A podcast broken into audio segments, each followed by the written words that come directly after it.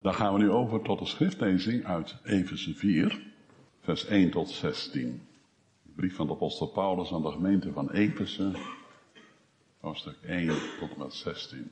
Zo roep ik de gevangenen in de Here u op tot een wandel die de roeping waarmee u geroepen bent waardig is. Wat is dat, waardig? In alle nederigheid en zachtmoedigheid, met geduld, door elkaar en liefde te verdragen en u te beijveren om de eenheid van de geest te bewaren door de band van de vrede. Eén lichaam en één geest, zoals u ook geroepen bent tot één hoop van uw roeping, één Heere, één geloof, één doop, één God en Vader boven allen, die boven allen en door allen en in u allen is.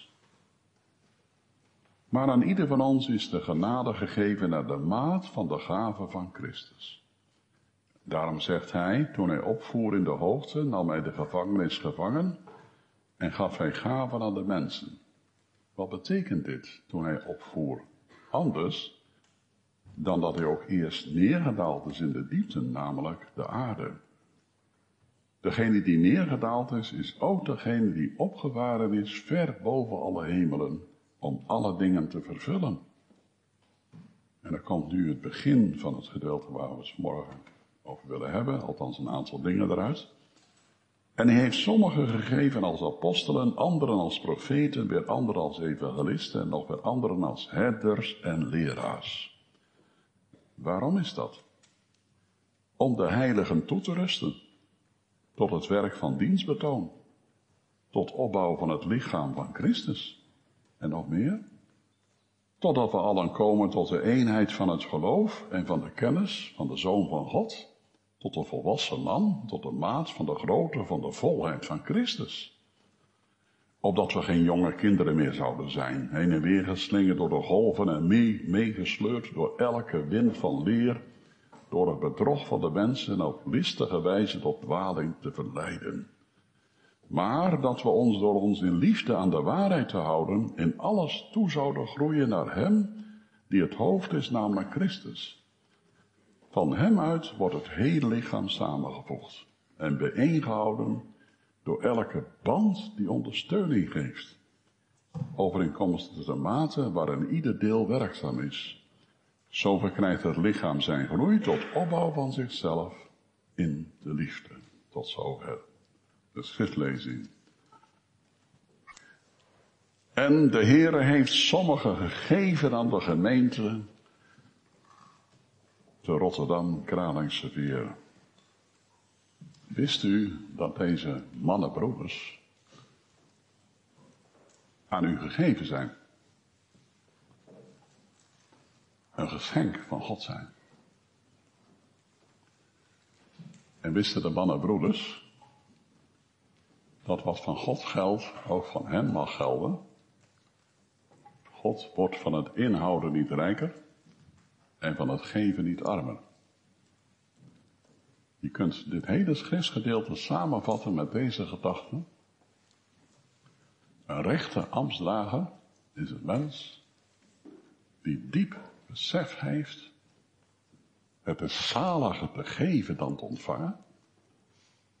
Paulus tegen de ouderlingen van Efeze zei bij zijn afscheid. En hoe meer ik geef, hoe meer ik groei in de genade en kennis van Christus. Lees maar mee.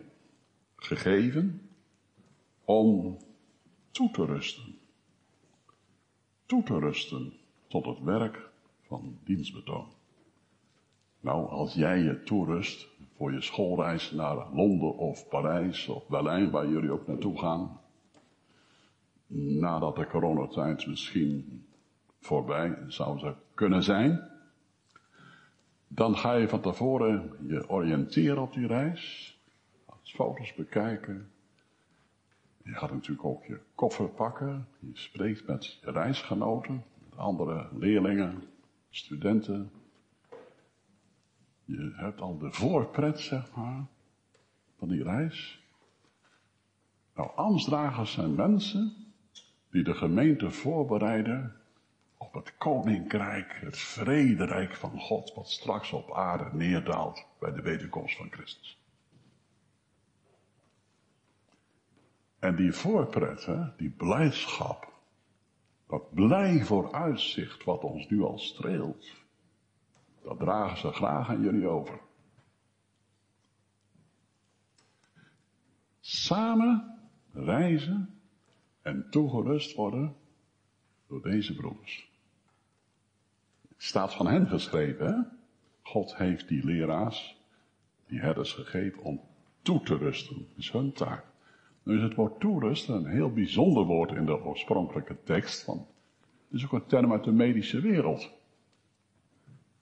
Het uh, wordt ook gebruikt bij het spalken van een gebroken been. Dat is apart. Dat betekent dat een ambtsdrager ook geroepen is om mensen met een gebroken hart te helpen. Toe te rusten voor het koninkrijk, zodat ze niet denken, ik ben te zondig, ik heb te lang, ik heb te zwaar gezondigd. Het is niet meer voor mij. Ik heb u straks al gezegd, dat mag je nooit zeggen. Want er is het verbond tussen God en ons. Hij is de Heer onze God. Maar een mens kan dan soms zo gedeprimeerd raken. Met name door de aanvallen van de Satan, de aanvechtingen van het vlees enzovoorts. Die denkt, het is nooit wat geweest met Nou ja, dat is ook waar hoor. We worden alleen wat in Christus. En in onszelf denk ik niet zo. Waar is die toerusting voor nodig? Wel, dat is tot opbouw van het lichaam van Christus. En denk dan aan, weer aan het gebouw wat straks naar Gods gemaakt bestek zal reizen. Zijn koninkrijk over de ganse aarde. Het gaat om de opbouw van het lichaam van Christus. Dat begint al vroeg. In jeugdwerk en catechese. Ooit heeft dokter van der Bank, destijds docent in Utrecht, ons studenten geleerd, als je nu catechiseert of in het jeugdwerk bezig bent, dan moet je denken aan spreuken 22 vers 6. Daar staat, oefen de jonge man overeenkomstig zijn levensweg, ook als hij oud geworden is, zal hij daarvan niet afwijken. En zei dokter van der Bank, weet je hoe dat, hoe dat uitgelegd werd destijds? bij de mensen, de Israëliërs van het Oude Testament. Dan zei een rabbijn, kom jij eens hier jongen, kom eens naast me zitten. En dan legde hij zijn arm om die schouders, om de schouders van de jongen. En met zijn andere hand wees hij in de richting van Gods koninkrijk. Dat is, train de jonge man, zodat hij later dat koninkrijk bereikt.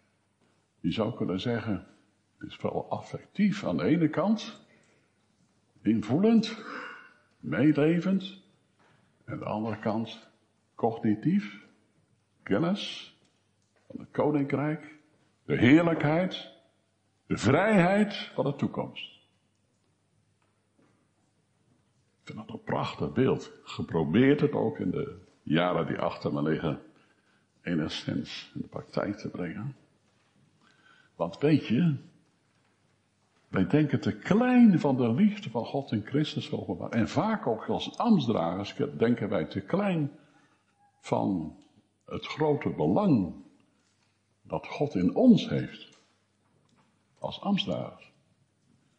Er staat in vers 13, totdat wij allen komen tot de eenheid van het geloof en van de kennis van de Zoon van God. Tot een volwassen man, tot de maat van de grootte van de volheid van Christus. Dat is zo'n geladen zin. Maar kijk eerst eens naar het woordje ambtsdragers gegeven, opdat we allen komen tot de eenheid van het geloof. Dus je mag als ambtsdrager nooit zeggen, heren, geef dat ik tot zegen mag zijn in mijn ambtelijke bediening, al is het er maar voor eentje. Mag je niet zeggen. Want het is de bedoeling dat ze allen tot de kennis van Christus komen. Als God met minder niet tevreden is, mogen wij ook niet met minder tevreden zijn. Toch? Opdat ze allen komen in de gemeente van Efeze destijds, nu Laankerkgemeente. Allen komen tot de eenheid van het geloof en van de kennis van de Zoon van God, tot een volwassen man. Die laatste moeilijke zin zou je kunnen samenvatten met volwassen zijn in het geloofsleven. Betekent dat je de eenheid ervaart met Christus en met elkaar. De afgelopen tijd dat ik deze gemeente heb mogen dienen, heb ik altijd genoten van de manier waarop jullie als kerkraadsleden met elkaar omgingen. Die eenheid. En als er oneenigheid was, dan werd het op een hele goede manier bediscussieerd. Dat is een heel geestelijk volwassen houding. Het is zelfs zo dat als die volwassenheid er is, de Heilige Geest het ook wel behaagt om ons te laten toegroeien naar de maat en de grootte van Christus. Eenvoudig gezegd, steeds meer lijken op het beeld van Christus. Steeds meer lijken zijn beeld. Hem steeds meer weerspiegelen. Dat is toch het heerlijkste wat een Amsterdam kan wensen. Paulus ging ons voor, die zei, ach, dat ik het beeld van de zoon gelijkvormig zou mogen worden. Dat was zijn dierbaarste verlangen als ambtenaar. Want straks, als Jezus is teruggekeerd, dan zal dat op een magnifieke, schitterende wijze zichtbaar worden. Hè? Dat weerspiegelen van Christus door zijn kinderen. In 2 Thessalonicense 1 wordt dat letterlijk zo gezegd. Als Jezus zal gekomen zijn om op de dag des Heren verheerlijkt te worden in zijn heiligen. Hij is zelf al glans, glorie, schittering, stralen, pracht.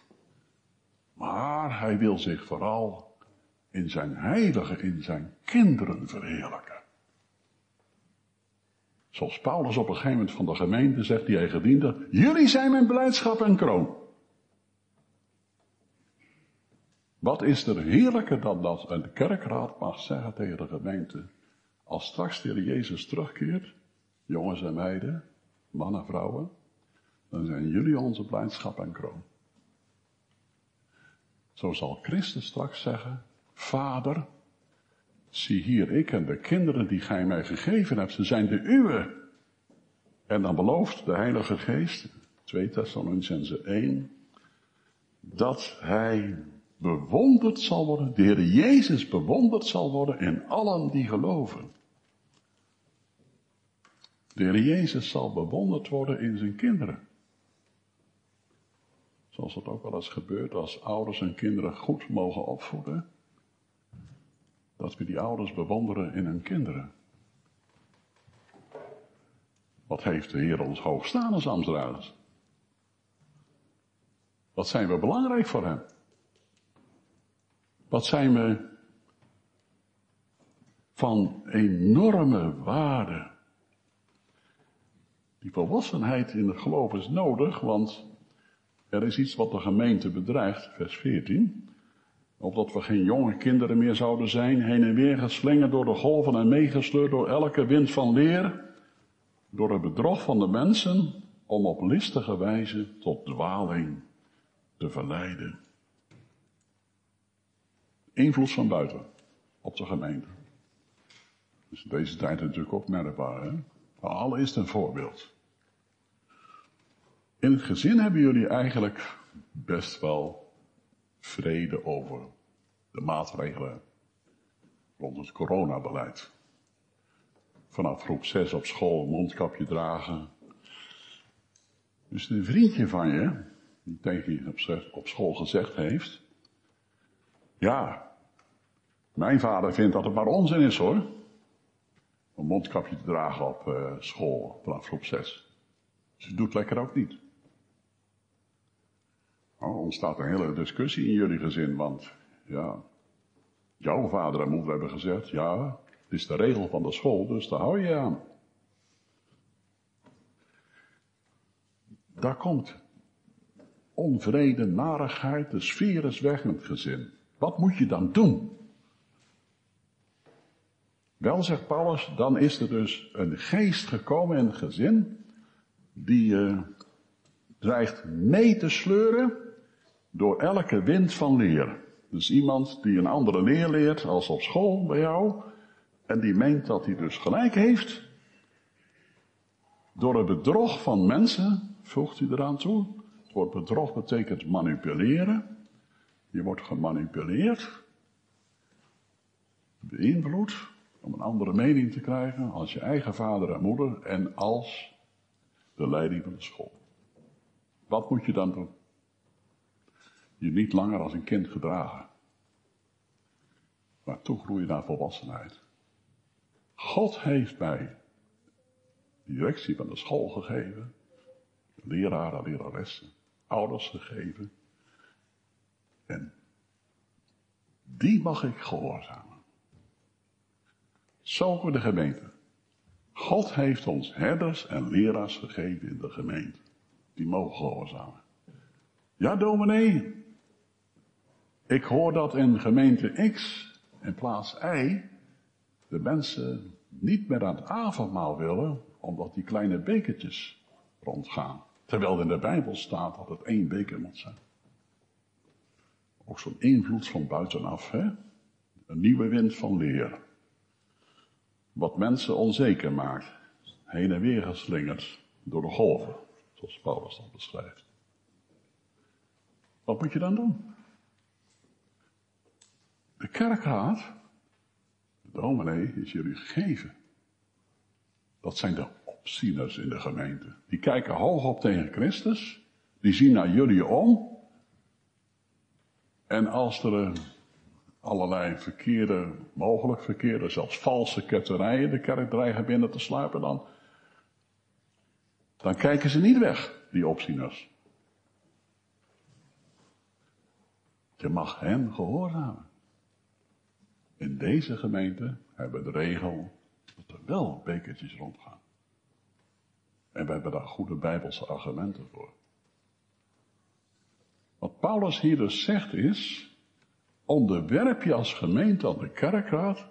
Want God gebruikt die kerkraadsleden, daar, zijn ze voor gegeven, om jullie het koninkrijk van God binnen te brengen.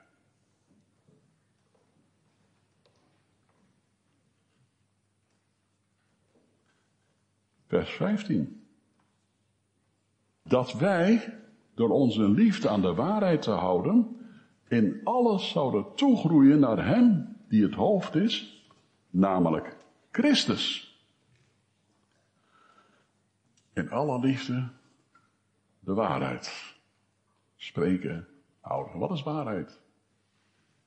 Wij denken dat waarheid in de Bijbel staat tegenover leugen. Maar dat is niet zo. Het Griekse woord, wat vertaald is met waarheid, betekent wat openbaar is. Wat niet langer bedekt wordt. Een predikant spreekt de waarheid als hij niet dingen bedekt laat. Zo, ik praat maar niet over seksuele zonde, wat lichtgevoelig. Ik heb het maar niet over materialisme, want ja, we zijn allemaal maar gewone mensen. Ik, zeg maar niks van die LHBT-gekte, want ja, dat ligt ook al zo gevoelig. Dus niet meer wat Gods woord over die dingen zegt, openbaren, bedekt houden. Waarheid wil zeggen, moet openbaar komen. Onbedekt. Als wij als ambtsdragers dat niet doen, dan behandelen we de gemeente als zuigelingen, als kinderen. Ze zijn nog niet toe aan die scherpe vermaningen van Christus, die op een gegeven moment zelfs zei, geen afvallige broedsels. Tegen mensen die anderen verhinderen het koninkrijk gods binnen te gaan. Nee, we moeten de gemeente rustig houden. Ze moeten niet de indruk krijgen dat we liefdeloos zijn. De scherpe kantjes zijn gevaarlijk. Dan behandelen we als ambtsdragers de gemeente als kinderkens. Komen ze ook nooit tot volwassenheid. Want de scherpte van de wet wordt niet meer gepreekt. Er wordt niet meer gewaarschuwd. Er wordt niet meer gewaarschuwd. Angst om mensen te verliezen, heb ik gemerkt, speelt een grote rol in de gemeentes vandaag de dag. Of de mensen nu uitwijken naar de ultra-orthodoxe hoek of naar de evangelische hoek, die angst. We mogen ons niet laten leiden door de angst. Maar liefhebben en de waarheid spreken, die twee dingen. Uiteraard kan dat alleen door onze Heer Jezus Christus. Die zelf ook schokkende dingen zei. Die geen blad voor de mond nam tegenover de Samaritaanse vrouw. Zeg vrouw, ga heen, haal uw man. Confronterende vraag zeg. En toen hij tegen de discipelen zei, wilt gij ook niet weggaan? Nadat ze bij bosjes van hem wegliepen. Was dat ook niet erg confronterend? Wij zouden zeggen, had hij dat niet wat tactischer kunnen aanpakken? We hebben het nodig, zeker in deze tijd, geliefden, om ambtsdragers, predikanten en kerkraadsleden te hebben die ons durven confronteren met de dingen die we liever verborgen houden, niet over praten en die zeggen, wat, laat het maar openkomen. Laat het maar openkomen. Dit is een belangrijke voorwaarde voor wat er in het vervolg van de vers staat, dat we in alles toe zouden groeien naar Hem die het hoofd is, namelijk Christus. De groei in de gemeente wordt sterk belemmerd als de mensen als kinderen behandeld worden die niet groeien. Die dus niet alles kunnen verdragen. Uh, gespaard moeten worden om der lieve vrede wil. Waardoor de wet niet meer scherp gepreekt wordt. En de werkelijkheid van de zonde niet meer aan de orde gesteld wordt. Hoe verziekend en ziekmakend die is. Het is opvallend dat uh, Paulus het woord bedrog noemt in vers 14. En dat is eigenlijk in feite manipulatie. En dan wordt er in een commentaar gezegd, zo ging het nu toen Eva door de slang verleid werd. We worden bedrogen als we ambtsdragers hebben die ons niet de waarheid verkondigen. In liefde, in bewogenheid. Zoals Eva gemanipuleerd werd door de slang van de zondag. Gemeentegroei staat nog boven persoonlijke groei. Het is heel apart dat wij in onze tijd niet goed meer kunnen voorstellen hoe Paulus en de gemeente van Efeze dat toen beleefd heeft. Die mensen dachten veel meer collectief. Had het meer over wij als over ik. En dat leidt ook wel uit het feit dat wij in vers 15, hè, dat wij door ons in liefde aan de waarheid te houden, in alles zouden groeien, toegroeien naar Hem die het hoofd is, namelijk Christus. Van Hem uit wordt immers het hele lichaam samengevoegd en bijeengehouden door elke band die ondersteuning geeft. Wat is dat nu toch? Elke band die ondersteuning geeft. Het woord band dat is in de grondtaal, gewrichtsband. Die pezen om een gewricht. Je nek, ellebogen, polsen, benen, noem maar op. Ligament, gewrichtsband. Apostel Paulus gebruikt die medische term om iets heel belangrijk duidelijk te maken. Iets heel belangrijks. Een ambtsdrager is de gewrichtsband in de gemeente. De ambtsdragers zijn de gewrichtsbanden van het lichaam van Christus. Het hele lichaam wordt samengevoegd en bijeengehouden door elke band, gewrichtsband, die ondersteuning geeft. Dus dat betekent die gemeentes die zeggen we hebben geen kerkdag nodig, totaal niet begrijpen wat hier staat. Het lichaam van de gemeente zakt in elkaar als er geen geprisbanden zijn. Ongelooflijk hoe belangrijk we voor God zijn. Ongelooflijk hoe belangrijk wij voor God zijn. Als ambtenaren. Om het lichaam te ondersteunen en bij elkaar te houden. Ja, het gaat zelfs nog een stap verder. Dat heeft mij van de week zo getroffen. Ik heb er altijd overheen gelezen. Uh, vers 16 van uh, de Heer Jezus uit wordt het hele lichaam samengevoegd en bijeengehouden door elke band die ondersteuning geeft, overeenkomstig de mate waarin ieder deel werkzaam is.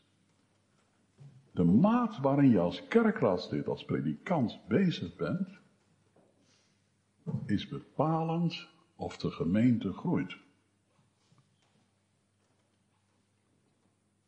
Overeenkomstig de mate waarin ieder deel, iedere gewrichtsband werkzaam is.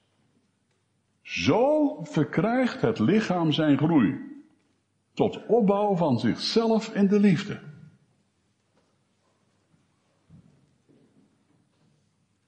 Dit is een heel nieuwe gedachte over de groei in het geloof. De laatste tientallen jaren is dat steeds meer individualistisch geworden. Zo van, hoe groei ik persoonlijk in mijn geloof? Maar de Bijbel denkt collectief. Wij. Hoe groeien wij, de Laankerk, in geloof? Wel, God gebruikt de Amstdagers om ons te inspireren. Ze leggen de arm om ons heen. Ze houden van ons. Die mannenbroeders, die houden van ons. Als gemeente. En ze wijzen ons de weg naar het koninkrijk. En wat ook nodig is op weg en reis naar het koninkrijk. Ze laten de waarheid niet verborgen. Nee, de waarheid is openbaar. En dat doen ze in liefde. Van harte. En zo verkrijgt het lichaam, zegt de Heilige Geest, zijn groei tot opbouw van zichzelf in de liefde. Ik ben nog opgegroeid met dat versje wat eh, de jongeren zeker niet meer kennen. Dat is toch wel een heel mooi versje. Zoete banden die mij binden. Zoete banden die mij binnen aan des Heren lieve volk. Wis, ze zijn mijn hartevrienden, hun taal mijn hartentolk. Zijn de kinderen van de Vader en van hetzelfde huisgezin. Misschien wat gemoderniseerd denk ik dat dit versje zeker op deze gemeente van toepassing mag zijn. Door Gods genade. Weet je. Het is voor een ambtsdrager die vandaag begint met name, maar ook die weer opnieuw moet beginnen, altijd weer de vraag, ben ik bekwaam? Een ambtsdrager die deze dingen mag doen, in biddend opzien tot de Heer, die gaat zijn gaven ontdekken. Die gaat hoe langer weer ontdekken dat God hem gaven heeft gegeven. Dat kun je niet doen, dat kun je niet ontdekken als je niet werkzaam in de gemeente. Al gaande ontdek je dat. In mijn eerste gemeente niet, ik zeg het verkeerd. In de eerste gemeente die ik mocht dienen, was niet mijn gemeente, hadden we een ijzervlechter die op de IC, de werf werkte. En die was verkozen tot ouderling en die zei, dominee, als u nu iemand hebt verkozen die dus volstrekt onbekwaam is, dan ben ik het natuurlijk. U snapt toch wel, als ijzervlechter heb je ontzettend weinig te doen met al dat letters, al die letters en uh, boeken enzovoorts. Nou wist ik dat hij wel uh, goede boeken las. Dus ik denk, die man die zit zich te verzetten, en ik begrijp dat. Nou, om een lang verhaal kort te maken. Hij is een van de belangrijkste catecheten geworden van de gemeente. Jarenlang catechisatie gegeven. En toen ik afscheid nam met de gemeente, heeft hij me toegesproken, vrijwel zonder aantekeningen. Zo, uit het hart. Al gaande heeft die man ontdekt hoe bekwaam hij was. Dat had hij nooit ontdekt als hij zich niet had bezighouden met het toerusten van de heiligen tot het werk van dienstbetoon, tot opbouw van de gemeente. Gemeente tenslotte. Paulus die zegt in 1 Thessalonicense, 1 Thessalonicense 5 vers 12 iets heel moois. Hij, hij stelt een vraag aan de gemeente. En dat geef ik nou maar weer door vanmorgen. Wij vragen u hen te erkennen die onder u arbeiden, u leiding geven in de Here en u terechtwijzen en hen uitermate hoog te achten in liefde om hun werk. Ja, we zeggen tegenwoordig onderaan een mailtje niet meer hoogachtend, denk ik, als jongere of wel. Maar zet het dan maar onder in verbondenheid. Dan laat je ook merken dat je die ouderling of diaken of predikant hoog hebt staan. In verbondenheid aan de Heer Jezus Christus, onze Heer, hoofd van zijn gemeente, waarvan wij de leden mogen zijn. Amen.